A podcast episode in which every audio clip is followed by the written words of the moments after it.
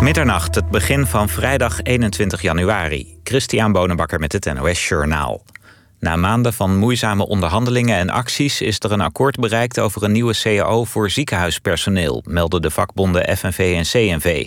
Met ingang van deze maand stijgt volgens de FNV het loon van de 200.000 ziekenhuismedewerkers met minimaal 2% met een bodem van 90 euro.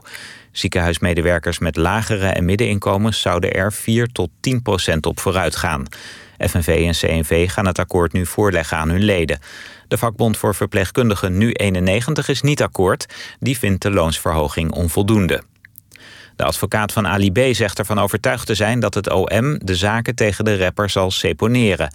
Het feit dat er op dit moment geen strafrechtelijk onderzoek loopt, wijst er volgens de advocaat op dat er geen sprake is van een strafbaar feit. Het OM zegt af te wachten of er nog meer aangiftes binnenkomen. Mogelijk volgt er dan alsnog een onderzoek.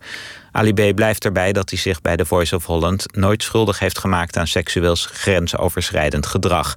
Hij zegt dat hij nooit de enige seksuele relatie met een kandidaat heeft gehad of gezocht. Als Oekraïne Nederland vraagt om wapens te leveren, dan zal het kabinet daar welwillend naar kijken. Dat zegt minister Hoekstra van Buitenlandse Zaken. Ook stelt Defensie twee F-35 jachtvliegtuigen beschikbaar voor de NAVO. Die gaan in april en mei vanuit Bulgarije het NAVO-luchtruim in de gaten houden. Hoekstra gaat maandag met zijn Europese collega's praten over de Russische troepenopbouw rond Oekraïne. De ministers willen met een gezamenlijk sanctiepakket komen voor het geval Rusland het buurland binnenvalt. Hoekstra wilde nog niet op de sancties vooruitlopen, maar sluit het stilleggen van het gasleidingsproject Nord Stream 2 niet bij voorbaat uit. Het weer, vooral in de kustprovincies kan vannacht nog een bui vallen. Landinwaarts kan het een graad gaan vriezen en is er kans op lokale gladheid. Overdag soms wat zon, buien en een graad of zes. Het weekend verloopt rustig en droog. Dit was het NOS Journaal. NPO Radio 1. VPRO. Nooit meer slapen.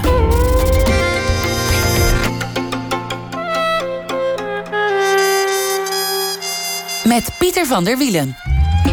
Goedenacht en welkom bij Nooit meer slapen. Mijn gastcommatuur groeide op op een landgoed dat ooit van hem zal zijn. Hij heeft een adellijke titel en zijn ouders gaven hem toen hij het nest verliet een ton en voor nog eens een ton aan aandelen mee. Nou en, waarom moet je daar nou weer mee beginnen? Nou, omdat Sander Schimmelpenning, die tegenover mij zit... voor de VPRO een reeks heeft gemaakt over exact dat thema. Waar stond je wieg en wat maakt het uit? En is de kloof tussen welgesteld en iets minder welgesteld hier in dit leven nog wel zo makkelijk te overbruggen? De reeks heet Zander en de Kloof. Een rijke luiskind dat ineens begint over de kloof tussen arm en rijk. Dan kun je lekker makkelijk zeggen: dat is links lullen, rechts vullen. Of je roept gewoon salonsocialist. Maar misschien is dat ook wel een beetje lui. Want als hoofdredacteur van de Quote kent Sander de wereld van de gouden lepel. En dat bracht hem tot deze vraag: Is de meritocratie niet allang een aristocratie geworden? Sander Schimmelpenning, geboren in 1984, studeerde rechten, was hoofdredacteur van Quote, presentator van Op1, maakte eerder voor de VPRO een programma over Zweden, een land dat hij goed kent, want zijn vriendin is parelduiker op Zweedse meren. Hij fietste onlangs nog naar Lapland. Je zou dus kunnen zeggen dat zijn plotse aandacht voor de gelijke verdeling een symptoom is van de geleidelijke Scandinavisering van Sander Schimmelpenning. Sander, welkom. Ja, leuk. Nou. Ze, duikt overigens naar oesters. Eh, niet in meren, maar in de zee. En daar zitten helemaal geen parels nee, in. Nee, nee, Maar ik vind het gewoon zo mooi om parelduiker te ja, zeggen. Dat dus is, de poëzie dat is inderdaad keer. wel prachtig. Ja, ja. We gaan het hebben over afkomst. Jij begint. Nou ja, het rare is dat als je deze opsomming doet, dat ik meteen alweer een soort van uh, ongemakkelijk angstzweet breekt mij uit. Want uh, ja, het, het, is en blijft zo'n ongemakkelijk opsommingje wat je nu doet. Hè. Dus, het is eigenlijk het opsommingetje waar je je hele leven al vanaf probeert te komen. Ja, in zekere zin wel. Althans, het is juist niet waarvan ik hoop dat mensen erover beginnen. Waar ik niet over wil praten eigenlijk. Maar in deze serie uh, zou het volstrekt ongelooflijk ongeloofwaardig zijn als ik niet uh, met de billen bloot ga en niet transparant ben over dat wat ik zelf heb meegekregen. Uh, dus ik moet het doen en ik ben ook blij dat ik het heb gedaan. En ik hoop ook dat, uh, ja, dat het in zekere zin andere mensen inspireert om hetzelfde te doen. Om het gesprek aan te gaan tussen ouder en kind, grootouder en kind misschien wel. En te spreken over dit soort dingen die we allemaal een soort van normaal vinden. Hè? Dat je als je vermogend bent, uit een vermogend nest komt, dat alles maar jouw kant op komt. En dat je daar toch ook een beetje op gaat rekenen. Dat je ouders, um, ook vooral die ouders, dat eigenlijk als iets um, ja, heel logisch vinden. Dat je die kinderen zoveel mogelijk nalaat. Uh, dat dat gesprek uh, gevoerd gaat worden. En dat we ons uh, wat, wat massaler gaan afvragen. Ja, hoe normaal is het nou eigenlijk dat we zulke enorme voorsprongen doorgeven van generatie op generatie? Wat doet dat met een samenleving en is dat de samenleving die je wilt? Ja, precies. Wat was het ook omgeven met schaamte, je afkomst, toen je klein was? Was het eigenlijk juist in, in bepaald opzicht een last? Um, ja, het is. Kijk, uh, ja, als kind wil je normaal zijn. Uh, dat, dat is uh, voor ieder kind hetzelfde, denk ik. Als je op een gegeven moment anders wordt behandeld dan andere kinderen, dan, ja, dan, dan denk je misschien in eerste instantie dat dat aan jouzelf ligt. En later gaat misschien dan iets branden van. Nou ja, het zou ook wel eens te maken kunnen hebben met mijn achternaam of eh, mijn ouders of waar ik ben opgegroeid. Op een gegeven moment weet ik nog wel dat ik, uh, dat ik uh, op de voetbal, want ik voetbalde gewoon als een, gezonde Twentse jongen, dat ik op een gegeven moment, ja, dat ik echt onderuit geschoffeld werd op de training en dat één jongen mij echt, echt op mij voorzien had, echt de pik op mij had. En dat bleek achteraf dat, dat hij uit een boerenfamilie kwam en dat zijn vader het toch een beetje aan de stok had met mijn grootvader eigenlijk als, als, als pachter, geloof ik. En, uh, Eigenlijk een soort feodale strijd ja, op, op, het voetbalveld. Ja, ja, ja. En, en ook wel eens ja, toch bijna van de sokken ben gereden... door een of andere oranje Opel Manta... waar dan een, een boerenzoon in zat... die ook uh, blijkbaar uit een familie kwam... die uh, ja, geen goede mening had over mijn familie. Dus ik, ik ben daar wel eens mee geconfronteerd. Ik heb ook wel eens... Um, ja, als ik, als ik in de weekenden de poort uitfietste op een mooie dag... dan stonden er allemaal toeristen. En uh, die waren eigenlijk altijd heel geïnteresseerd en zo. Maar ja, het, het, voelt niet prettig als je, als je zo bekeken wordt. En als je zo uh, ja, allemaal hele ongemakkelijke vragen krijgt... als je twaalf bent en gewoon naar je voetbaltraining fietst. En Twente is natuurlijk in die zin, denk ik... de, de merkwaardigste provincie van Nederland. Omdat Was het maar een provincie, Pieter? Het is geen provincie. Nee, het is een streek, het is maar een regio. je hebt helemaal gelijk. Maar het is wel voor onafhankelijkheid van Twente, hoor. De Twentse Republiek, dat zou nog wel een... Maar, maar Twente heeft, heeft aan de ene kant die oude hoge adel. Dat is maar een, maar een heel klein percentage natuurlijk. Ja, dat zijn wij overigens helemaal niet. Hè. Wij zijn de echte nouveau riche onder de adel. Wij zijn een Napoleontische adel. Dus de echte middeleeuwse adel. De laatste adel die er nog een beetje bij kwam Precies, eigenlijk. de keurige van Wassenaartjes en van Rappartjes en zo. De ridders. Ja, die, die vinden onze stel omhooggevallen proleten. Ja, zijn we natuurlijk ook. En dan heb je natuurlijk het, het Twentse proletariaat van alle verarmde industrie. Ja. Waarbij jij in de klas zat. Nou, helemaal niet, want die wonen niet uh, in Diepenheim. Diepenheim is echt een boerengemeenschap. De, de, de, waar, waar jij naar refereert, dat zit in de steden. Dat zat in, dat in Goor, Hengelo, in Hengelo en Enschede en zo. Hè, de, de, de oude textielsteden. En uh, dat, dat is wel terecht wat je zegt. Want daar bestaat ook veel meer antipathie tegenover, zeg maar, de hoge heer. En ehm, dat merkte ik in mijn middelbare schooltijd in Hengelo. Waar ik de eerste vijf jaar van mijn middelbare school heb gezeten dat daar toch ook in het lerarenkorps, uh, korps, koor, uh, uh, dat daar wat, wat, ja, toch wat ouderwetse ideeën bestonden. En dat ik daar als een uh, ja, verwend jongetje werd gezien. Dat dacht dat hij maar overal mee wegkwam. Ik werd denk ik echt wel extra hard aangepakt omdat ik schimmelpenning heette. Je moest je niks in je hoofd halen. Nee, dat deed ik natuurlijk wel. En dat was ook vooral aan mezelf te wijten. Ik was ook echt wel vervelend. Maar ik weet nog heel goed dat ik op een gegeven moment had ik een leraar scheikunde... en die had het dan in de les over allerlei chemische eh, processen bij, uh, bij Unilever. En die noemde dat bedrijf consequent Unilever op zijn Engels. Nou, dat vond ik heel raar, want het is gewoon een Nederlands bedrijf. En ik dan, dan weet, je er, weet je er eigenlijk gewoon geen fuck vanaf als je dat zegt. Ja, dat vond ik gewoon heel raar. Dus ik zat hem te verbeteren. Deed. Ik zeg, maar het is gewoon Nederland, gewoon Unilever. Waarom zegt u nou de hele tijd Uni? Nou, en dan, en dan ja, hij gooide me natuurlijk op een gegeven moment de klas uit, want hij trok dat niet. En dan kom je in gesprek met de rector erachter dat, hij, dat, dat je dan, dan proef je opeens voor het eerst in je leven dat zo'n man dan zegt van ja, en jij, jij, jij, je denkt dat je alles eh, bent en dat je alles in je hoofd haalt omdat je toevallig eh, daar woont en zo. Dus dan komt dat onderbuikgevoel opeens voor het eerst. Wordt het ja, tastbaar, zou ik maar zeggen. Dan, dan hoor je het een het keer. komt nog steeds terug als mensen publiekelijk op jou reageren met een eh, ingezonden brief. Ja, voortdurend. Kan haast niet zonder even die afkomst erbij te halen. Of, of een soort karikatuur van eh, Ja. die zit daar in zijn kasteel, in zijn bubbelbad met champagne en die heeft een mening. Of, of weet ik veel wat ze schrijven. Maar Ja. Het moet er altijd even bij gehaald worden. Ja, ik vind dat eh, ja, heel, eh, heel dom en echt een ontzettende disqualificatie als je daarover begint. En we vinden het denk ik allemaal eh, eh, niet acceptabel als je zegt... eh, nou, deze columnist is van Marokkaanse afkomst... dus die hoef ik niet serieus te nemen of weet ik veel. een of ander dom vooroordeel. Maar dat mag blijkbaar wel bij mensen die van adel zijn. waar Dan ze- is alles gezegd. Waar ze toch ook niet voor gekozen hebben, lijkt me. Ehm, maar ehm, ja, goed, weet je, ik moet daar ook weer niet te dramatisch over doen. Eh, er zijn natuurlijk ook grote voordelen. Ehm, eh, eh, denk ik, althans, nou ja, ik, ik, ik heb in ieder geval ge- eh, genoeg geluk in mijn leven om me daar nou niet al te eh, zielig over te voelen. Maar het is wel frustrerend, want ehm, eh, ik denk dat niemand het leuk vindt om afgerekend te worden op zijn afkomst.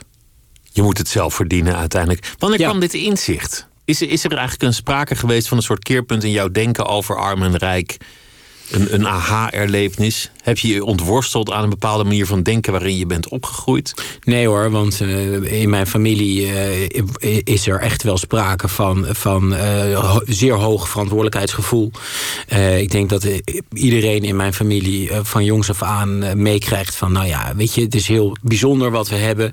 maar we zijn, we zijn namelijk ook helemaal niet rijk of zo. Hè. Er is niet heel veel geld en, en we zijn helemaal Er niet... is veel bezit, maar niet Dus- heel veel geld. precies, er is en veel- bezit kost geld. Dus Ja, dus, dus we zijn helemaal niet. dat, dat is natuurlijk ook ja, een beetje lastig van deze serie. Ik word natuurlijk nu. eh, ik loop ook een beetje met dat imago te spelen, natuurlijk. Van ja, ik ben opgegroeid op zo'n landgoed. En dan ontstaat er meteen een beeld van iemand die heel rijk is. Nou, dat is helemaal niet zo. En dat geldt ook voor de rest van mijn familie. Het zijn gewoon hele normale, hardwerkende mensen.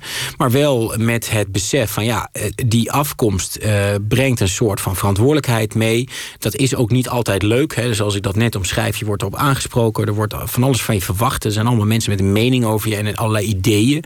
En dat moet je maar gewoon dragen. Ehm, en, ehm, en, en voor de rest moet je gewoon eh, goed gedragen. Je moet je gewoon netjes gedragen. Want eh, je niet te groot maken. Ja. Eigenlijk ook niet te veel vertoon liever. Dat soort dingen. Nou, nee, eigenlijk niet. En, en, en, en je, moet, eh, je moet vooral werken voor je geld. En, en laten zien dat je een bijdrage levert aan de maatschappij. En, en niet, ja, niet een beetje de, de, de, de rijke, de rijke luis eh, eh, kindertjes gaan uithangen. Je, je bent hoofdredacteur van Quote geweest. En dat, dat is eigenlijk het moment geweest dat je in de publieke belangstelling Ja.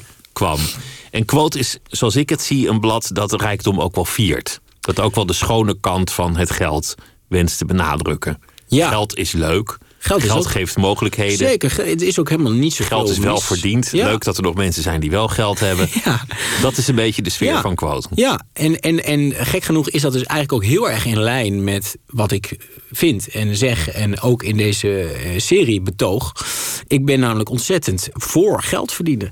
Ik vind helemaal niks mis met mensen die veel geld verdienen. Ik vind niks mis met erfenissen. Ik vind niks mis met vermogens. Ik vind alleen dat de belastingdruk eh, totaal eh, verkeerd is gegroeid. Dat we de verkeerde dingen veel te zwaar belasten en andere dingen, vermogen, kapitaal, eh, veel te laag belasten. Dus we belasten werk en consumptie. Ja, En, en, en nog een paar andere en dingen. kapitaal nauwelijks. Kapitaal iets minder en erfenis ook iets minder. Nou, echt heel veel minder. Dus hè, dat, dat mensen denken dat erfenissen zwaar belast worden in Nederland. Maar de gemiddelde belastingdruk op een erfenis is 8%. Dat, dat geldt tot 100.000 geloof ik. Hè? Je hebt een vrijstelling van ruim 25.000 euro. En dan is die, die eerste ton daarboven, 115.000 geloof ik, eh, is 10%. En da daarboven ga je naar 20%. Maar goed, elke euro waarvoor je werkt, daar gaat de hoogste schijf natuurlijk gewoon de helft vanaf. Dus dat, ik vind dat iets heel scheefs. Dat was ook helemaal niet altijd zo. Vroeger was dat uh, was die belastingdruk veel hoger. Was het ongeveer gelijk in de jaren 50. En zelfs in Amerika onder Roosevelt. Uh, een van de beste presidenten die ze daar hebben gehad. Was het in de jaren 50 was de erfbelasting iets van 70 procent. was heel hoog. Dat is echt, je moet het zelf doen in het leven. Het, eigenlijk een heel sterk liberaal uh, dogma zou ik zeggen. Wat we in Nederland helemaal kwijt zijn geraakt. En zeker de liberalen bij, bij de VVD. En ook zelfs D66. Die dat gewoon helemaal niet meer hebben. Dat je... dat je uh, Geen respect meer voor de self-made man. Ja, dat je kansen moet bieden om van mensen te eisen dat ze het zelf doen in het leven. Uh, dan moet je wel uh, een, zo gelijk mogelijk speelveld creëren. En dat, dat zijn we echt kwijtgeraakt.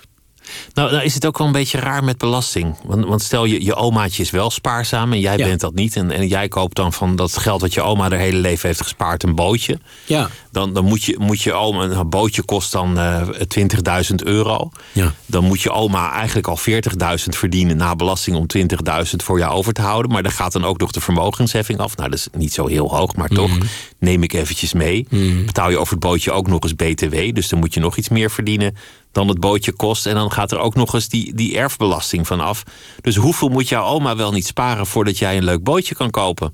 Verdorie. Nou, het, ja, ik zou toch zeggen dat als jij een mooi bootje wil... dat je daar gewoon zelf voor moet werken. Dat je dan heel veel krantenwijkjes neemt. En waarom Ja, moet je oma dat nou weer doen? Dat zou ik eh, toch zeggen, ja. Ik zou Wat, wat zeggen... is jouw weerzin tegen geërfd geld en, en tegen de gouden lepel? Nee, er is geen weerzin. Ho, ho, er is absoluut geen weerzin. Ik gun iedereen een erfenis. Ik gun iedereen vermogen. En eh, dat vermogen mag wat mij betreft ook groeien. Daar is geen enkele moeite mee. Het probleem zit hem in hoe je herverdeelt en waar je de accenten ligt. En onder de invloed van de zeer machtige rijke lobby... die vooral vinger in de pap heeft bij de VVD en CDA... zijn de belastingen op kapitaal, op uh, vennootschapsbelasting... Uh, de vermogensrendementsheffing van box 3... erfbelasting zijn gewoon uh, ja, onfatsoenlijk laag. En uh, daar moet, aan die knop moet gewoon gedraaid worden. En wat daarbij heel belangrijk is, is dat je gewone mensen die hier belang bij hebben, uitlegt dat het communicerende vaten zijn. Dat je als je de belasting op het een verhoogt, dat je de belasting op het ander kan verlagen. In de serie heb ik een, een van mijn favoriete karakters in deze serie, is Jan. Uh, Jan is vrachtwagenchauffeur en die zit de hele dag in zijn cabine te klagen over de wereld, zoals mensen dat doen. En die, die komt niet rond. Die, die heeft gewoon moeite met de huidige brandstofprijzen... om, om zijn uh, maandelijkse lasten te betalen. En ik zeg op een gegeven moment tegen hem... zou je het dan niet eerlijk vinden als de rijken wat meer belasting zouden betalen... over hun kapitaal? Oh nee, vindt hij helemaal niet. Heeft hij geen enkele. Nee, vindt hij helemaal niet nodig. Rijken die mogen van hem lekker uh, rijk blijven.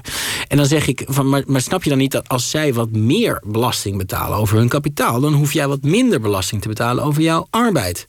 Oh nee, daar geloof ik niks van. Nee, de overheid die, die gaat echt niet mijn belastingen verlagen... als het ergens anders wat meer kunnen... Dus er is geen enkel vertrouwen meer in de overheid... Dus, als dus herverdelende zijn, instantie. Mensen zijn eigenlijk rechts tegen hun eigen belang in. Ja, precies. En dat, en dat is een gevolg van decennia lang... zeer succesvolle marketing van de rijken. Uh, die ervoor zorgt dat allerlei mensen in Amerika... die eigenlijk nauwelijks uh, geld hebben op Trump stemmen... maar ook hier in Nederland... Uh, hele volkstammen, VVD of nog rechtser stemmen. Uh, uh, terwijl ze daar gewoon economisch helemaal geen belang bij hebben.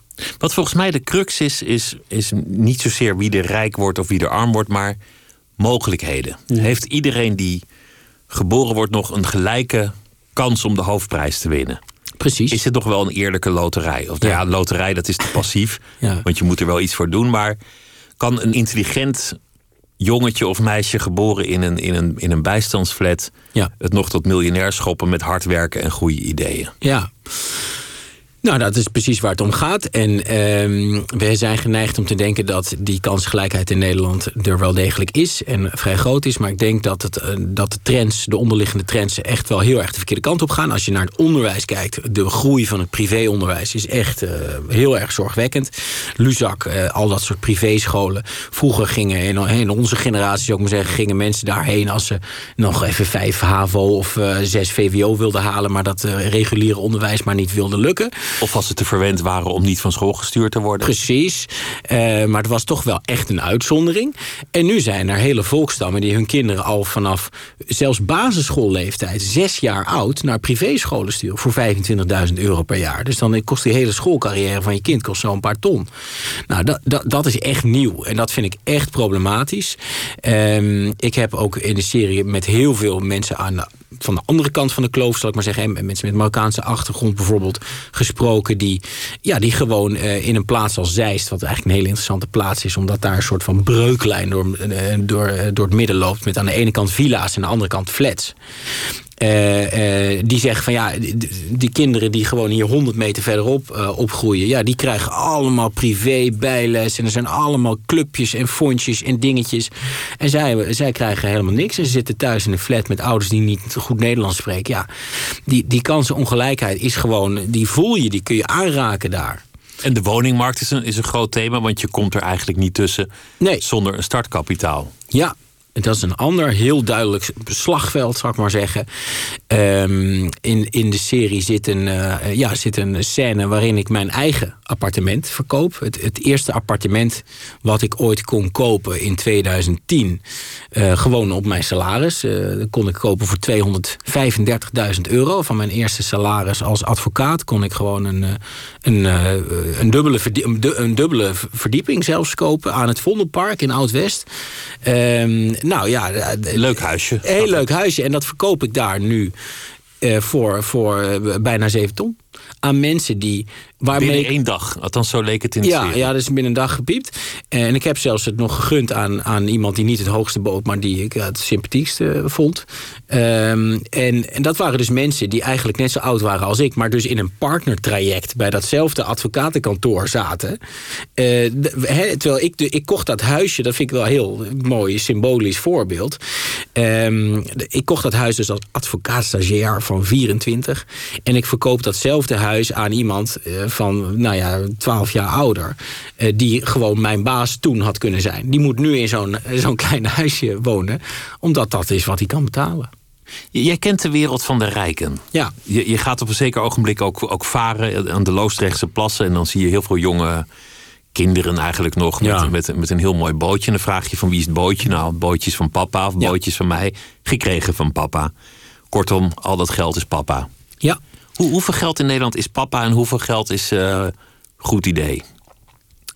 Ja, dat is, is moeilijk uh, om heel concreet te zeggen. Er zijn wel, uh, nou ja, de grote lijnen, die, kan, die kun je zeker wel noemen. Dus uh, wat eigenlijk even fascinerend als zorgwekkend is, is dat 100 jaar geleden, dus aan het begin van de 21ste eeuw, van de 20ste eeuw, uh, pardon, dus eigenlijk voor de Tweede of de Eerste Wereldoorlog zo'n beetje, dat toen de ongelijkheid op hetzelfde niveau was als nu. Althans, het aandeel van erfenissen in het totaal aan privévermogens was toen rond de 70% in Europa, in de westerse wereld van toen. Na de Tweede Wereldoorlog zie je dat aandeel enorm dalen.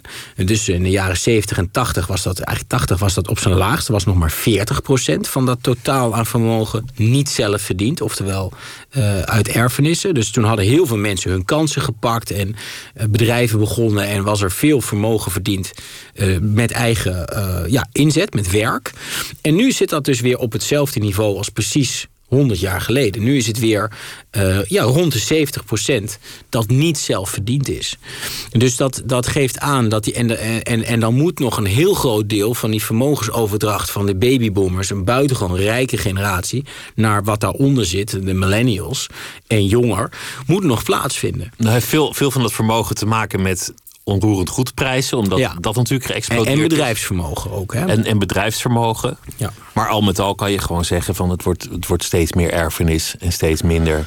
Ja, nou ja, ik, ik, ik heb natuurlijk bij Quote zeven jaar gezeten. Daar heb ik uh, ja, ook uh, zeer veel sympathie voor de self-made man ontwikkeld. Zijn niet allemaal even aardige mensen hoor. Er zitten ook echt wel eikels tussen. Maar ze hebben in ieder geval toch, uh, ja, ze verdienen respect omdat ze het zelf hebben gedaan. En vaak toch. Uh, of ze nou een bord van kop hebben gehad uh, of gewoon een briljant idee. Maar ze hebben toch doorgezet en ze hebben vaak echt heel hard gewerkt. Dus daar, daar, daar hou ik wel van. En als je dan nu kijkt naar de quote 500 uh, en je vergelijkt die met de quote 500 van 20 jaar geleden, ja, dan zie je toch onmiskenbaar een verschuiving in die lijst naar erfgenamen. De rijkste vrouw van Nederland is mevrouw Heineken. Nou, dat is, dat is een huisvrouw. Eh, dan heb je daaronder... Heb je, Terwijl Freddy Heineken ooit het, het, het symbool was van de self-made man. Precies. Nou, wat zit daaronder? De erfgenamen Wessels. Eh, eh, en zo, zo gaan er steeds meer erfgenamen. Kijk, er komen wel nieuwe mensen bij. Eh, Jitse Groen, die Atjen jongens, Adrien Mol van Molly. Er zijn natuurlijk echt hele jonge gasten die vanuit het niets... Nou ja, dat is ook de vraag. Is het vanuit het niets? Want die jongens van Atjen, dat zijn keurige jongens zitten. Van de douche en zo. En, en Adriaan Mol komt ook niet uit de goot. Dus die nieuwe generatie eh, self-made miljonairs, miljardairs zelfs... die komen helemaal niet meer zo uit gewone gezinnen. Dat zijn, en Zuckerberg eh, en zo, in Amerika is dat natuurlijk ook zo. Hè? Elon Musk, dat zijn allemaal rich kids eigenlijk al. Ehm, dus, dus er is echt wel duidelijk een verschuiving gaande... naar erfgenamen en self-made miljonairs... die, die misschien niet uit een eh, familie van, van miljardairs komen... maar vaak wel uit een familie van miljonairs. Een probleem dat je uiteindelijk zult krijgen als die kloof te groot wordt, is de vraag: is een democratie nog wel mogelijk? Is er nog wel één samenleving? Staan we nog wel in dezelfde rij? Ja. Of kan je iemand anders betalen om voor jou in de rij te gaan staan? Ja. Of hoef jij niet meer in de rij omdat je zo rijk bent?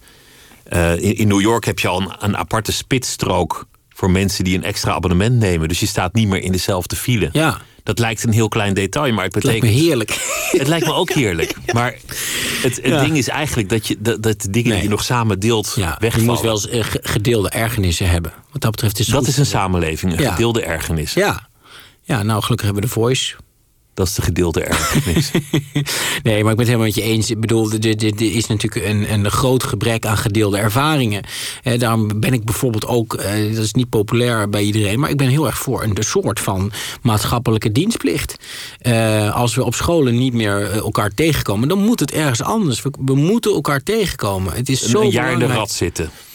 Nou ja, joh, in de rat zit is wel een hele negatieve uitleg... van iets voor de, voor de, voor de Dat was de maatschappij. dienstplicht toch uiteindelijk. Ja, de, de, de, de militaire dienstplicht zoals die was... eh, zou ik zeker niet eh, nieuw leven inblazen. Want dat was vooral een beetje rondlummelen... als ik die verhalen eh, goed heb gehoord. Ik ken de jongens die kwamen moddervet terug uit de dienstplicht. Ja, alleen maar, alleen dat maar zegt ook iets over, over de mate van oorlogsdreiging in de tijd. Dat je, dat je dik uit, de, uit het leger kwam. Ja, ja, ja, ja, alsof het een soort van studentenvereniging is. Maar iets, iets verzinnen om, eh, om gewoon met elkaar het te moeten doen... lijkt me heel belangrijk. Ehm, hè, als je Diederik en Mohammed eh, op een slaapzaal eh, legt... lijkt me dat gewoon heel goed voor beide partijen. En dat gebeurt niet op scholen, want daar komen ze elkaar gewoon niet meer tegen. Eh, ik, ben er ook heel erg voor om privéscholen gewoon te verbieden. Te zeggen, ja, dat doen we gewoon niet in Nederland. Punt. Ehm, eh, ik, mag, ik, ja, ik vind dat er meer, meer gedwongen gemengd moet worden.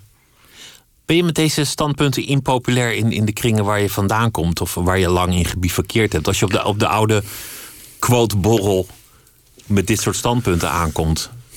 Nou, ik ben overal impopulair, dus... eh, eh, nee, Je, je koestert je impopulariteit. Nee, het valt, hij valt wel mee hoor. Ik ben aan de randen impopulair, aan, aan de flanken. Dus extreem rechts vindt mij echt het meest afschuwelijke wat er is. Extreem links ook. En dat lijkt me toch in hoge mate een goed teken. Ehm, eh, en ik weet zeker dat heel veel van de mensen uit de quote 500... eh, misschien niet publiekelijk zullen zeggen dat ze het met me eens zijn... maar eh, diep van binnen dat echt wel weten. Ik heb ook in de serie gesprekken met mensen die... vaak met, met pater familias-achtige types... rijke kerels die het hebben gemaakt... die heel duidelijk ook hiermee worstelen. En ook zeggen van ja, ik ben ook met deze thematiek bezig. Ik vind het ook ergens niet verstandig en goed om mijn kinderen zoveel na te laten. Eh, maar, maar, maar dan is het toch vaak, en dan zeggen ze ook heel eerlijk... weet je wat het is? Uiteindelijk wint de biologie. Dus mijn kinderen, en ook onder druk van hun vrouw vaak... eh, mijn kinderen, ehm, ja, die, die, die- die- ik ga ze toch alles geven. Want, want uiteindelijk wint dat van het de- maatschappelijk de bewustzijn. Die nest, gewoon die biologische bloedlijn. Van je, je moet je kinderen dat nalaten. En, en ehm, natuurlijk, ze geven ook wel wat weg en ze hebben stichtingjes en zo. Maar eh, de hoofdmoot moet naar die kinderen. Zonder dat die mensen eigenlijk de vraag stellen: maakt het nou het leven van mijn kind ook echt beter? Is Marietje of Pietje eh, gebaat bij 10 miljoen? Gaat dat zijn leven op een positieve manier beïnvloeden? Gaat hij daardoor een rijker, interessanter leven leiden? Ik zou zeggen dat het antwoord in de meeste gevallen nee is. Um, maar, maar dat eerlijke gesprek, dat, ja, dat durven ze echt niet met elkaar aan te gaan. En nee, omdat dat Jantje of Pietje dan wat, wat luier wordt en wat minder tot initiatief Ja, ik denk dat er echt wel een heel duidelijk... dat is natuurlijk ook een, ook een bekend cliché... Hè, geef mensen genoeg om, om alles te kunnen... En maar niet, uh, niet zoveel dat ze niks meer doen of zo, weet ik veel. Ik, ik, ik, ben niet, uh, ik heb het niet goed onthouden, maar je snapt wat ik bedoel. Je kan eh, echt wel je kinderen wat meegeven. Om ze zelfvertrouwen te geven. Om, om ze juist dingen te laten doen. Uh, risico's te laten nemen. Misschien een bedrijf te beginnen. Of een, een baan uh, op te zeggen die ze niet leuk vinden. Zoals ik ook heb gedaan. Dat zelfvertrouwen gun ik denk ik iedereen. Ik denk dat daar niet zoveel mis mee is. Maar je kan natuurlijk wel mensen verlammen. Met druk. Met de verantwoordelijkheid voor de opvolging van een familiebedrijf. Of de zorg voor een enorm kapitaal. Of echt lui en verwend maken. Met met, een bedrag dat, nou ja, in die orde van grootte van 10 miljoen, dat is een heel gevaarlijk bedrag. Dan dus gebeurt er niks meer. Dan gebeurt er niks meer. Dat is dan echt zo'n bedrag dat je denkt van ja, dat is zoveel, ik, ik, ga eigenlijk niks meer doen. En het is ook te weinig om daar dan weer van het beheer van dat bedrag weer een soort van uh, werk te maken.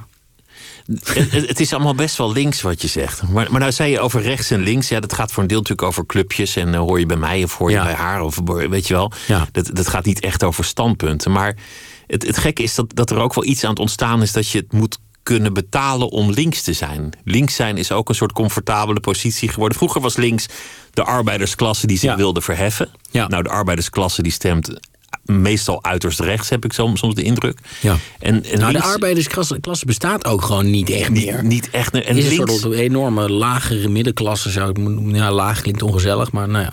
Links is, je gaat, je gaat ergens wonen waar je geen last hebt van integratieproblemen. Je zet een Tesla voor de deur. Ja. En dan pleit je voor hogere benzineaccijns, een paar zonnepanelen op het dak. En dan zeg je klimaatheffing. Ja. En je hebt genoeg spaargeld om niet heel bang te hoeven te zijn voor de fiscus. Ja. En dan kan je lekker links praten, omdat je het kunt betalen. Het is een soort verworven luxe. Ja. En iedereen die klaagt over problemen die ze echt aan de hand hebben, die doe je af als uh, racistisch of oppervlakkig. En dat is eigenlijk gewoon Marie Antoinette die zegt: Nou, dan eet je toch lekker cake, jongen. Dat, dat, is, dat is wat links geworden is. En, en Ja. dat, vind ik, dat vind ik gewoon tragisch. In de, in de perceptie eh, van, van veel mensen wel. Ja, dat, dat vind ik ook tragisch. En ehm, ja, het, het, ik, ik, ik blijf dat zoiets onbegrijpelijks vinden dat ik dus. eh, ja, zo'n zo'n serie maak en vaak dit geluid vertolk. Maar dat op links.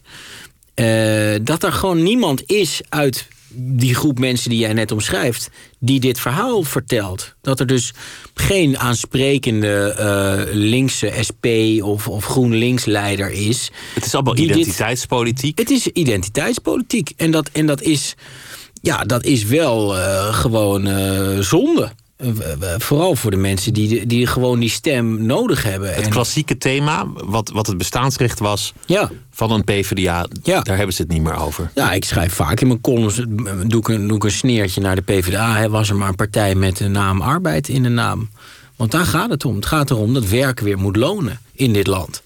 En eh, dat zou het centrale linkse thema moeten zijn. Want dat begrijpt iedereen. Van, van, van links tot rechts, van, van zwart tot wit. Iedereen begrijpt dat eh, in, een, in een goed functionerend land werk moet lonen. En, en dat is eigenlijk ook een heel belangrijk thema in deze serie. Een hele aflevering gaat over werk. Dat is, dat is iets wat links volkomen laat liggen. Wat, is ook, ook een hele- wat, ik, wat ik ook wel vind van links, want ik, ik heb natuurlijk altijd wel veel in linkse kringen gewerkt en Ja. ge- ge- geleefd. Dat, dat niemand die ooit boven de groep uit mag stijgen. Iedereen die zich altijd meteen moet censureren. Dat Ja. je altijd maar met, met, met je kop onder de, dat oppervlak moet blijven. Ja, Dat, dat, dat vind ik ook verstikkend. Doe, doe me ook denken aan, aan als je in Tsjechië kwam in, in de Ja. begin jaren negentig. Dat iedere dag, weet je wat, ik ontbijt met wodka. Het maakt toch allemaal niet meer uit. ja. Ja, het is, het is heel, eh, heel, heel eh, grijs en ook heel... eh, ja, het, er zit toch Niet een beetje... vrolijk ook. Nee, er zit een beetje afgunst in. En het is natuurlijk toch heel negatief geredeneerd. De ander mag het, mag het niet echt beter hebben dan ik. Wel, wat denkt hij wel niet? Wie denkt hij wel niet dat hij is? Ehm, ja, daar hou ik natuurlijk helemaal niet van. Daarom, daarom, hè, als mensen zeggen van ja, je zegt iets heel links, dan zeg ik ook. Ik heb zeker sympathie voor, voor linkse uh, partijen en, en denkbeelden. Maar ik, ik zie mezelf toch voor, vooral als liberaal. Ik, ik probeer dat ook de hele tijd te benoemen. Omdat ik ook het idee heb dat juist bij, die, bij mensen die zich als liberaal identificeren in Nederland. dat daar de grootste winst te behalen valt op dit vlak. De dus klassieke liberalen, de, de ouderwetse liberalen. 19e eeuwse liberalen. Precies, dus de VVD is natuurlijk sowieso een, merkwaardige partij... Eh, die zichzelf liberaal noemt... maar toch eigenlijk, als je kijkt naar de achterban... behoorlijk conservatief is. Ook naar onze eigen minister-president... die toch langzaam ja, zijn liberale uh, roots aan het vergeten is... en nou, het is sowieso een opportunist, maar um, uh, echt liberaal kun je me echt niet meer noemen. En ja, ik, ik wil juist de hele tijd benoemen... ik ben een liberaal en dit is hoe een liberaal wordt, wordt te denken. Ik probeer eigenlijk liberaal Nederland te heropvoeden.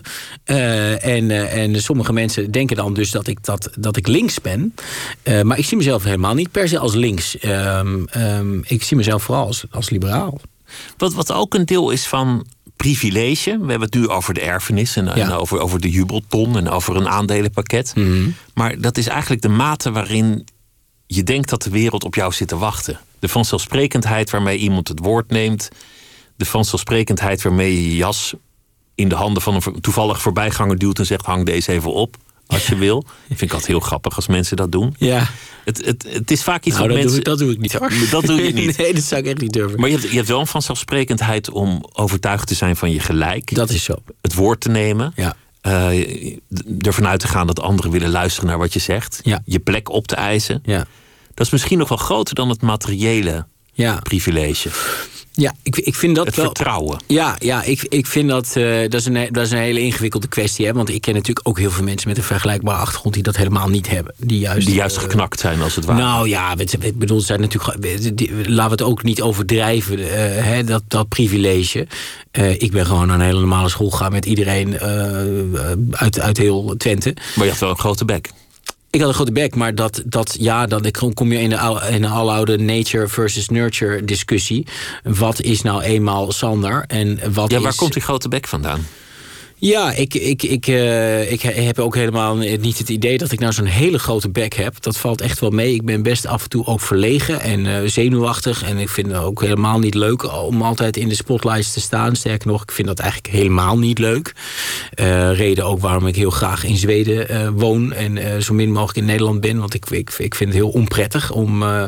dus je bewaart ook graag afstand tot, tot het gebeuren? Ja, ik wil heel graag afstand, absoluut. En, maar goed, dat het dat dat het zelfvertrouwen is, is onmiskenbaar zo. En dat benoem ik, dat wil ik ook graag bespreekbaar maken in, in de serie. Daar heb ik het over met mijn eigen ouders. Uh, van waar, waar, ja, in, in hoeverre is dat uh, vangnet van vermogen nou daar uh, debet aan? Of, of de, het is iets positiefs, dan moet je niet debet zeggen. Maar, de gedachte van het komt toch wel goed. Ook al ga ja. ik op mijn bek Precies, dat, ik word niet op straat gezet. Je bent heel erg geneigd om te denken van... nou ja, dat is niet zo... dat zeggen mijn ouders ook van... ja, dat, dat, dat is toch niet zo belangrijk. En het gaat toch ook vooral om de, om de gesprekken... die we als kind en ouders vroeger aan tafel hadden. Ik werd natuurlijk uitgedaagd. Ik werd aangemoedigd om kritisch te denken... en de krant te lezen en mee te praten over keurige VPRO-programma's... en de, de Nationale Wetenschapsquiz te spelen met mijn ouders op kerstavond. Dat soort dingen. Nou, dat, dat, um, uh, dat is natuurlijk ontzettend belangrijk. Maar um, ik denk, en dat is ook ongemakkelijk, zelfs binnen mijn eigen familie. Ik denk dat dat financiële aspect toch ook een rol speelt. Want ik kan niet ontkennen dat op ik kan me dat nog heel goed herinneren dat ik op een gegeven moment was ik 27 toen belde ik mijn vader van uh, ja pap ik, ik ben nu 2,5 jaar bezig bij Houthof als advocaat uh, aan het werk. En ik, het, ik, ik had toen al een keer ontslag genomen en met iedereen ruzie gemaakt en zo. Ik, had er echt geen zin meer in. En toen zei ik ik, ik trek het niet meer. Ik ga, ik ga gewoon ermee stoppen. En toen zei hij nou, dan moet je dat doen. En, uh, en, en toen zei ik van ja, maar jeetje, maar dan heb ik geen inkomen meer. En uh, ja, ja, het is nogal een beslissing. En ik zeg heel veel op en uh, ik neem een enorme gok. Toen zei hij wel van ja, dat, dat is nu echt niet het belangrijkste. Dat, hè, dat, dat, Kies voor je geluk. Je hebt, je hebt altijd wat om, terug, om, om, om op terug te vallen. En nou, dat zijn toch hele belangrijke momenten in je leven. Als je terugspoelt. Hè, voor hetzelfde geld had hij gezegd nou... hou nog even vol, jongen. Hou nog even vol. Dan zat ik nu misschien dozen te schuiven op de Zuidas nog steeds. Um, dus, dus ja, het is, uh, het is toch belangrijk. En dat vermogen is daar. Weet, het gaat niet om dat geld, maar het gaat dus om dat vertrouwen. wat met dat geld komt. Het komt toch wel goed. Ergens is er nog wel geld. Ja. Als, het, als, als het echt misgaat, dan wordt Ja. het niet de deurwaarder. Nee, Het- er is het altijd wel een een dak kartonnen- en een bed. En, Kartonnen en doos op Centraal Ja. Station. We redden het wel. Maar waarom stopte je eigenlijk als, als advocaat? En, en zit dat stoppen er, er structureel in of was dat eenmalig? Dat ik Ben jij iemand stop met dingen. Ja, stoppen met dingen. Verveeld raken met dingen. Het zat zijn.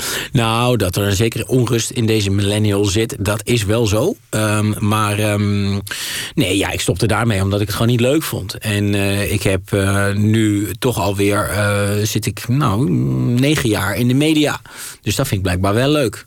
Ehm, Negen jaar in de, in de media, dat is toch helemaal niks nog? Nou, op een, op een jong mensenleven, ik ben 37, is dat eh, best lang.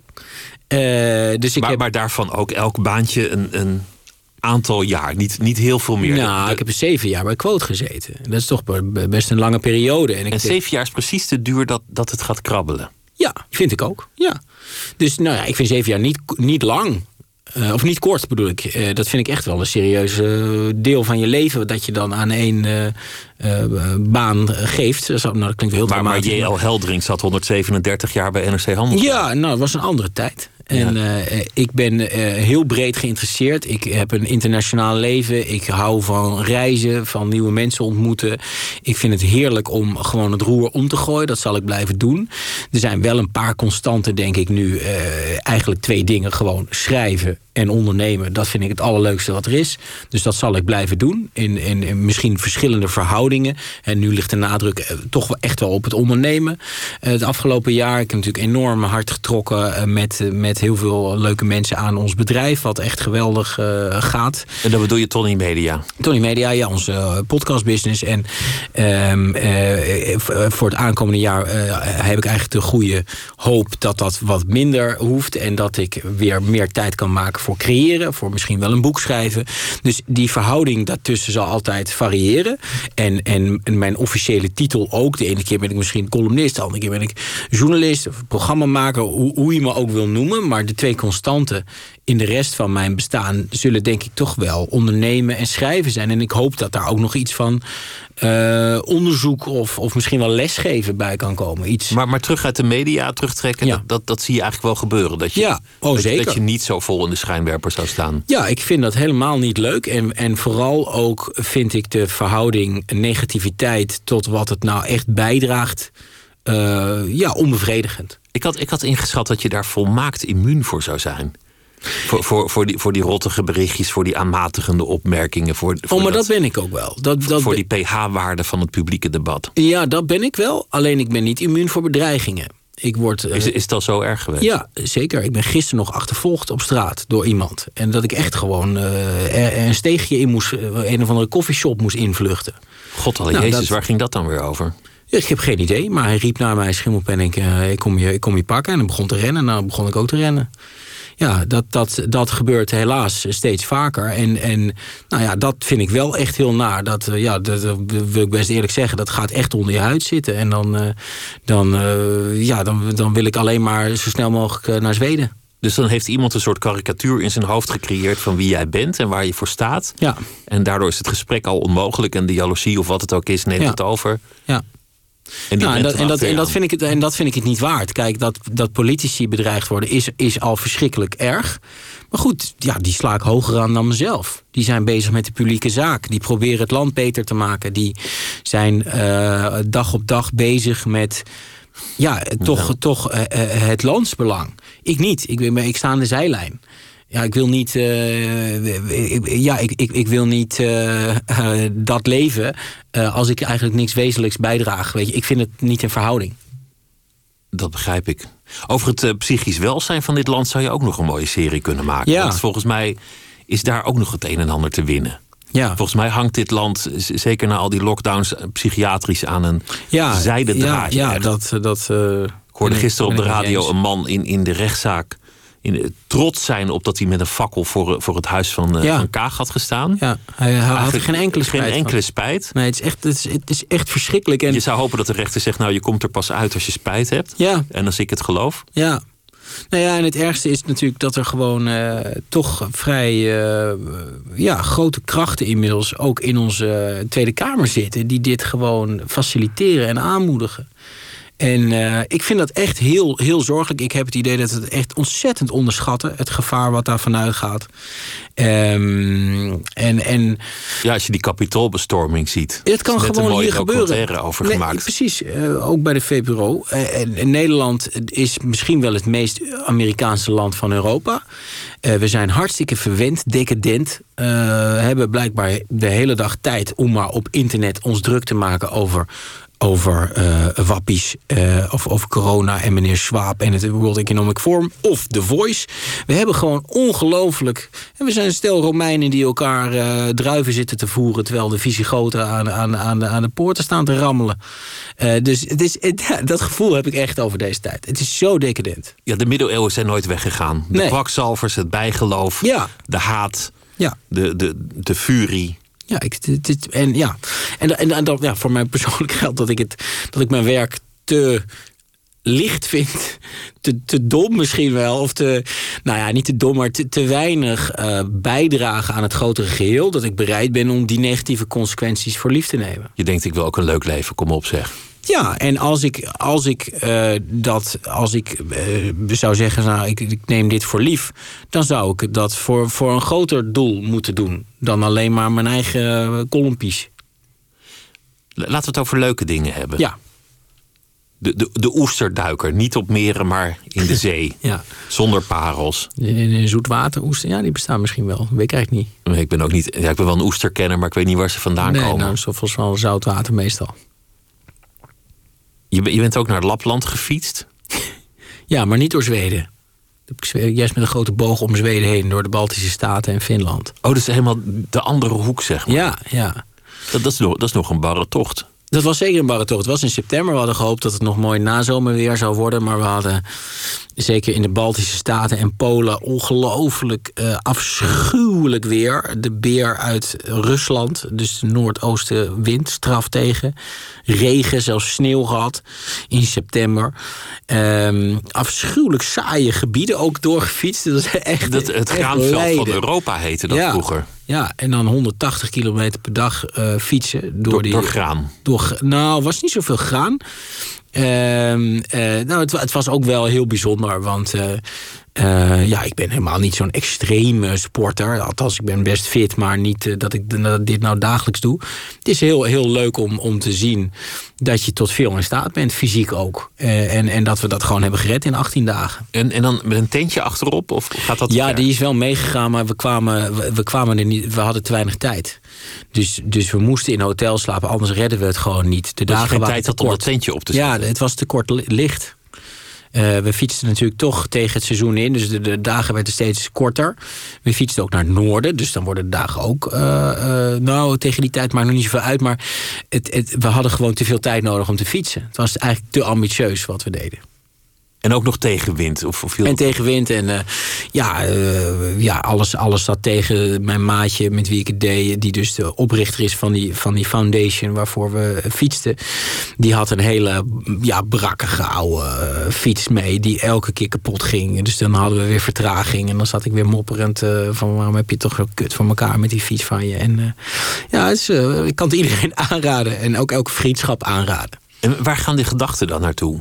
Als je, als je daar eindeloos door Baltische staten. Uh, ja, dat, dat, vooraf was uh, mijn vriend Steven die zei van nou, dit wordt een spirituele ervaring en dat wordt uh, heel bijzonder. En je gaat allerlei grote inzichten krijgen. En toen zei ik al van tevoren, ja, ik ben, vol, volgens mij ben ik niet zo'n type. Ik ben daar heel uh, niet gevoelig voor, voor dat soort dingen.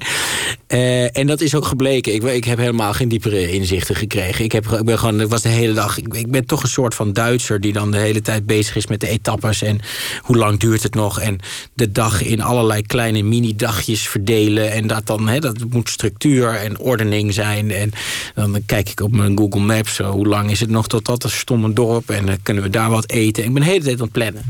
En zo heb ik dat. Dat is wel lekker basaal. Van, van ja. de maag moet vol, de Ja, benen nee, zijn zuur, is er nog water? Heer, en dat is mijn ontspanning. Dus ik ontspan eigenlijk alleen maar door fysieke dingen te doen. Klussen of zo. Tegel zetten en, en, en, en meubels maken. Dat, dat, dat Eigenlijk is heel het beste voor mij. praktisch. Ja, En daarom ook dat ondernemen. Dat, dat past daar Ja. ook wel bij. is ook heel dom eigenlijk. Gewoon dingen doen. Dozen verplaatsen, Bellen. net iets. Althans, dat, bellen met mensen. Ja. Bellen, dingen regelen. Ja.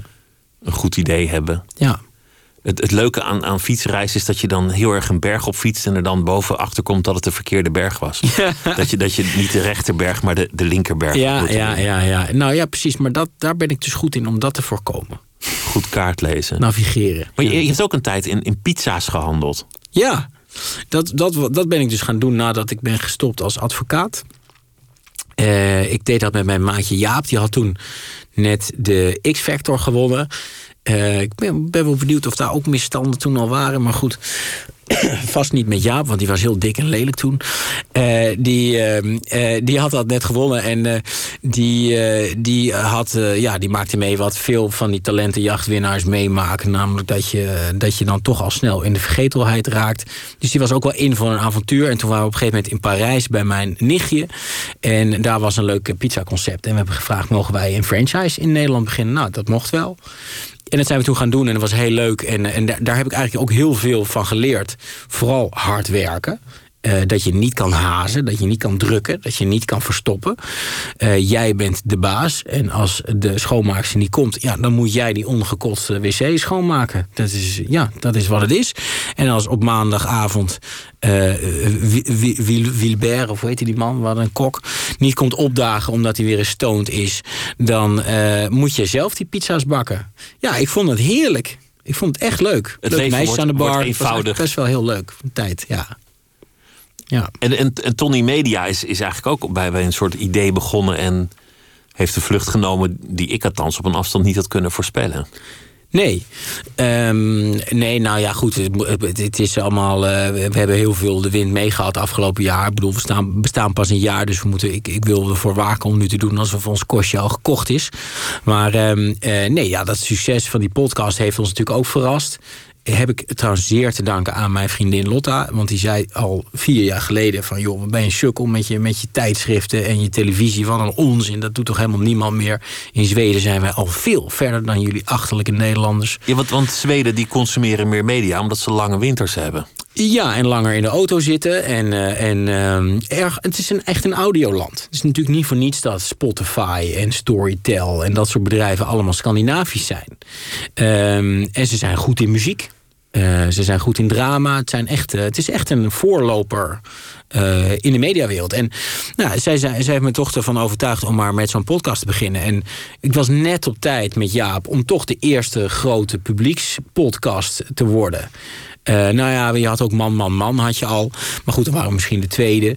Ehm, en en ja, dat, dat, ja, dat werd gewoon een succes. En, en daarna ehm, zijn we ook begonnen met daar goed geld mee te verdienen. En andere podcasts te maken die dat ook doen. En dat goede geld komt van de sponsors die, die dan eventjes eh, Ja. langs de flanken genoemd worden. Ja, de, de adverteerders en, ehm, en ook betalende leden die dus extra content krijgen. Eh, het is een kwestie van tijd voordat de verdienmodellen zich verder gaan ontwikkelen. Er zullen ook platformen naar Nederland komen, à la, eh, à la Netflix eigenlijk, maar dan voor de audiomarkt. Die zullen zeggen van nou, wij willen bij jullie een paar series inkopen, zoals dat in de televisiewereld natuurlijk ook gaat. Hè. Netflix die paar series bestelt hier bij Nederlandse producenten. Dus er komen ook verdienmodellen voor series die we nu nog niet eh, rendabel krijgen, omdat het. Ja, omdat het zich niet leent voor het advertentiemodel. Omdat het niet brand safe is, zoals dat dan heet. Of omdat het... eh, Wat is brand safe? Dat, dat het merk er schade aan kan. ja, dat eh, adverteerders het eng vinden. Hè. Alles wat politiek is, nou, dat vinden adverteerders eng. Of alles wat eh, verhalend is, documentaireachtig. Ja, dat vinden adverteerders niet zo eng. Maar dat is gewoon, dat leent zich daar niet lekker voor. Je Maar, gaat maar niet... jullie gaan toch ook vaak over de schreef en dan is er weer een beetje opheffen. En dan hangt niet meteen de, de shampoo-fabrikant aan de Nee hoor, we gaan helemaal niet over de schreef. Dat werd in die begindagen we- we- we- werden allerlei relletjes gecreëerd door ons eh, eh, niet, goed zo, niet zo goed gezinde media. Maar dat was, de- ja, we hebben eigenlijk de kastanjes uit het vuur voor de, voor de rest van de po- podcastwereld gehaald. Want als je, als je andere podcastmakers nu hoort wat die allemaal zeggen, dat is allemaal veel vreselijker dan wij destijds. Alleen het was nieuw. Dus Het dat werd, uit- opgebakken. Het werd uit contact. Precies, context er werd er gewoon een zinnetje geïsoleerd. En dan werd dat tot een telegraafbericht gemaakt. Nou, en dan had je de, de pop aan het dansen. Nou, dat, dat gebeurt niet meer. Want het is, dat iedereen begrijpt dat een podcast een podcast is inmiddels. Dat het een soort cafépraat is en dat iemand Ja. iets zegt dat je dat met een korrel zout Ja, en dat, dat, eh, dat, dat is nu wel ingedaald, ja. Graag Hoe ben, hoe ben je eigenlijk je, je, je, je Zweedse geliefde tegengekomen? En, en hoe belangrijk is Scandinavië nu voor je? Want, je, je, je liet een beetje doorschijnen van... nou, misschien ga ik daar wel wonen. Misschien Ik woon er wel al. een eh, Ik, ik- part-time dan. Maar je- Nee, nou, nee, de, het zwaartepunt ligt echt in Zweden. Ik, eh, ik heb Lotta ontmoet in, eh, in Zuid-Afrika op de Tafelberg. Eh, ik zal je de verdere romantiek besparen, maar ehm, dat- was een, ja, een beetje vakantieliefdeachtig. En dan denk je van, nou, zie ik nooit meer. Maar die, kwam ze toch naar Amsterdam. En eh, dat, eh, ja, dat was toch wel heel leuk. Ze was heel anders dan ik gewend was.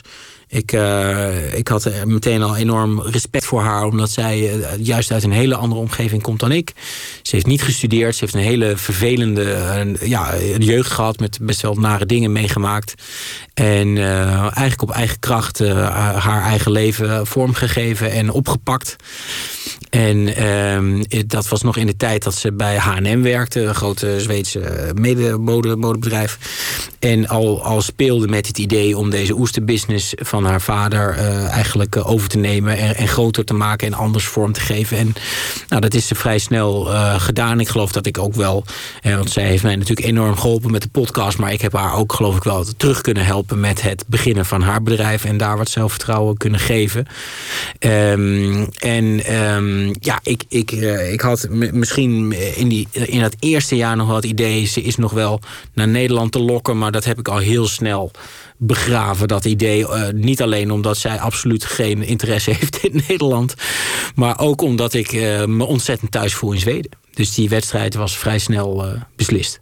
Dus op een dag dan komt het landgoed vrij. Maar het is- niet zo dat jij daar dan met een, met een kamerjas en een, twee rashonden over, over dat erf loopt. Nee. Want dan woon jij in Zweden. Ja, nou, het landgoed komt niet vrij. Het landgoed zal op een gegeven moment overgedragen worden aan mijn generatie. Die bestaat uit acht eh, mensen, neefjes, nichtjes, zus, zusje. Dus daar gaat niet heel veel gewoond worden dan. Er zijn allerlei prachtige plekken waar gewoond kan worden. Waar gewoon trouwens gehuurd wordt van eh, het landgoed. Eh, dus het is eh, helemaal niet zo dat daar eh, gratis gewoond wordt of zo. Mijn ouders betalen ook braaf huur voor dat enorme huis. Ehm, dus ja, als, ik, als ik mijn gezin in, Zweden zou beginnen... of geen gezin heb, maar gewoon met mijn vriendin daar gelukkig woon... dan wil ik misschien op zijn hoogste leuke plek voor zomervakanties. Maar dat is het dan ook. Ja. We, we hadden het net over, over zeg maar, gelijkheid. Scandinavië is natuurlijk het toonbeeld van gelijkheid ook in de cultuur. ja, Mensen, mensen vinden het eigenlijk niet leuk als je met te veel brani op tafel gaat staan. nee, Hoe, hoe bevalt je dat? uitstekend. Ja? Ja, ik vind het echt hele fijne, eh, beschaafde mensen. Ze zijn misschien af en toe in onze beleving wat saai, humorloos. Beetje, een beetje, toch een beetje Duitsers van het noorden. Een beetje stug kunnen, kunnen ze zijn. Ja, ze zijn gewoon. eh, eh, ja, eh, met- ik vind, eh, ik vind het. Ja, ik zeg natuurlijk allemaal weer vreselijk generaliserende dingen. Maar ik vind de verschillen tussen man en vrouw vrij groot. Ik, eh, althans, eh, de verschillen zijn juist heel klein. Ja, daar laat zich altijd op voorstellen. ja, en dat is ook zo. Maar in mijn beleving is dat beter voor die vrouw.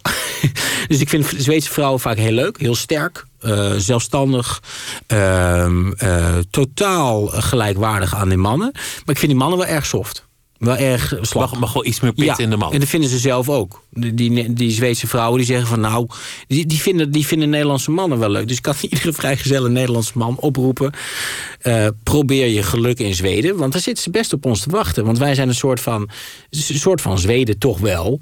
Alleen de Nederlandse mannen hebben even net iets meer eh, eh, grapjes te maken. En zijn even iets, iets eh, ja, spannender voor een ja, Zweedse maar vrouw. Het ging de hele dag over, over The Voice. En dan denk ik, de Nederlandse man mag wel weer iets van zijn pit afleggen. Ja, en ja, ja, Iets ja. minder grapjes Nou, maken dat- en iets dat, minder Dat bedoel ik natuurlijk echt niet. Nee, dat snap ik wel. Eh, maar- nou ja, goed, maar er is wel, er is wel een fine line. Kijk, kijk, in Zweden, het, het is echt zo, als je daar in een kroeg staat, die mannen doen helemaal niets. Die vrouwen zijn echt de, de, de jagers. En die mannen staan als een paar suffe eh, trutjes aan de bar eh, met hun, met hun eh, nuffige kleertjes. eh, eh, Wachten tot de vrouw met een beer ja, terugkomt. Dat is echt zo. En die vrouwen zijn, die zijn heel powerful daar. Dat vind ik heel aantrekkelijk. En, ehm, maar goed. eh, Is zij ook de baas bij jullie? eh, ja, dat denk ik toch wel, grotendeels. Ja, nou goed, ik denk dat we heel goed zijn in het eh, eh, elkaar toedelen van bepaalde portefeuilles. Uh, als een moderne regering. dus zij heeft haar portefeuille en ik de mijne. Maar over, meer over gewoon het Zweedse volk. Ze, zijn, ze hebben gewoon een hele prettige afstand. Um, ze zijn heel warm in kleine kring. Ze zijn heel loyaal en heel betrouwbaar. Uh, maar ze, ze laten elkaar in de, in de publieke ruimte echt benaderen elkaar heel prettig. Dus als je in een koffietent uh, komt of je, je bestelt iets, uh, of je gewoon de, de service, uh, het is allemaal net relaxer dan in Nederland. Leuk. Dank dat je te gast wilde zijn, Sander Schimmelpenning. Het was een genoegen met je te praten. En de serie wordt uitgezonden bij de VPRO. Sander en de Kloof. Dit was Nooit meer slapen. Goeienacht.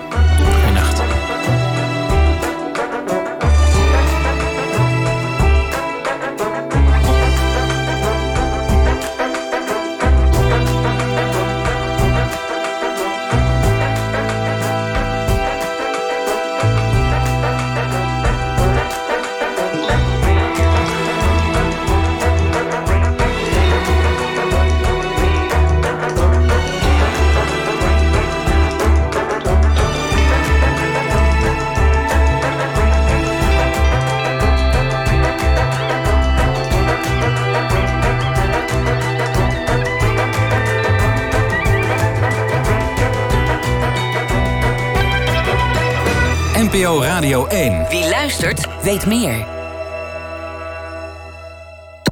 NPO Radio 1.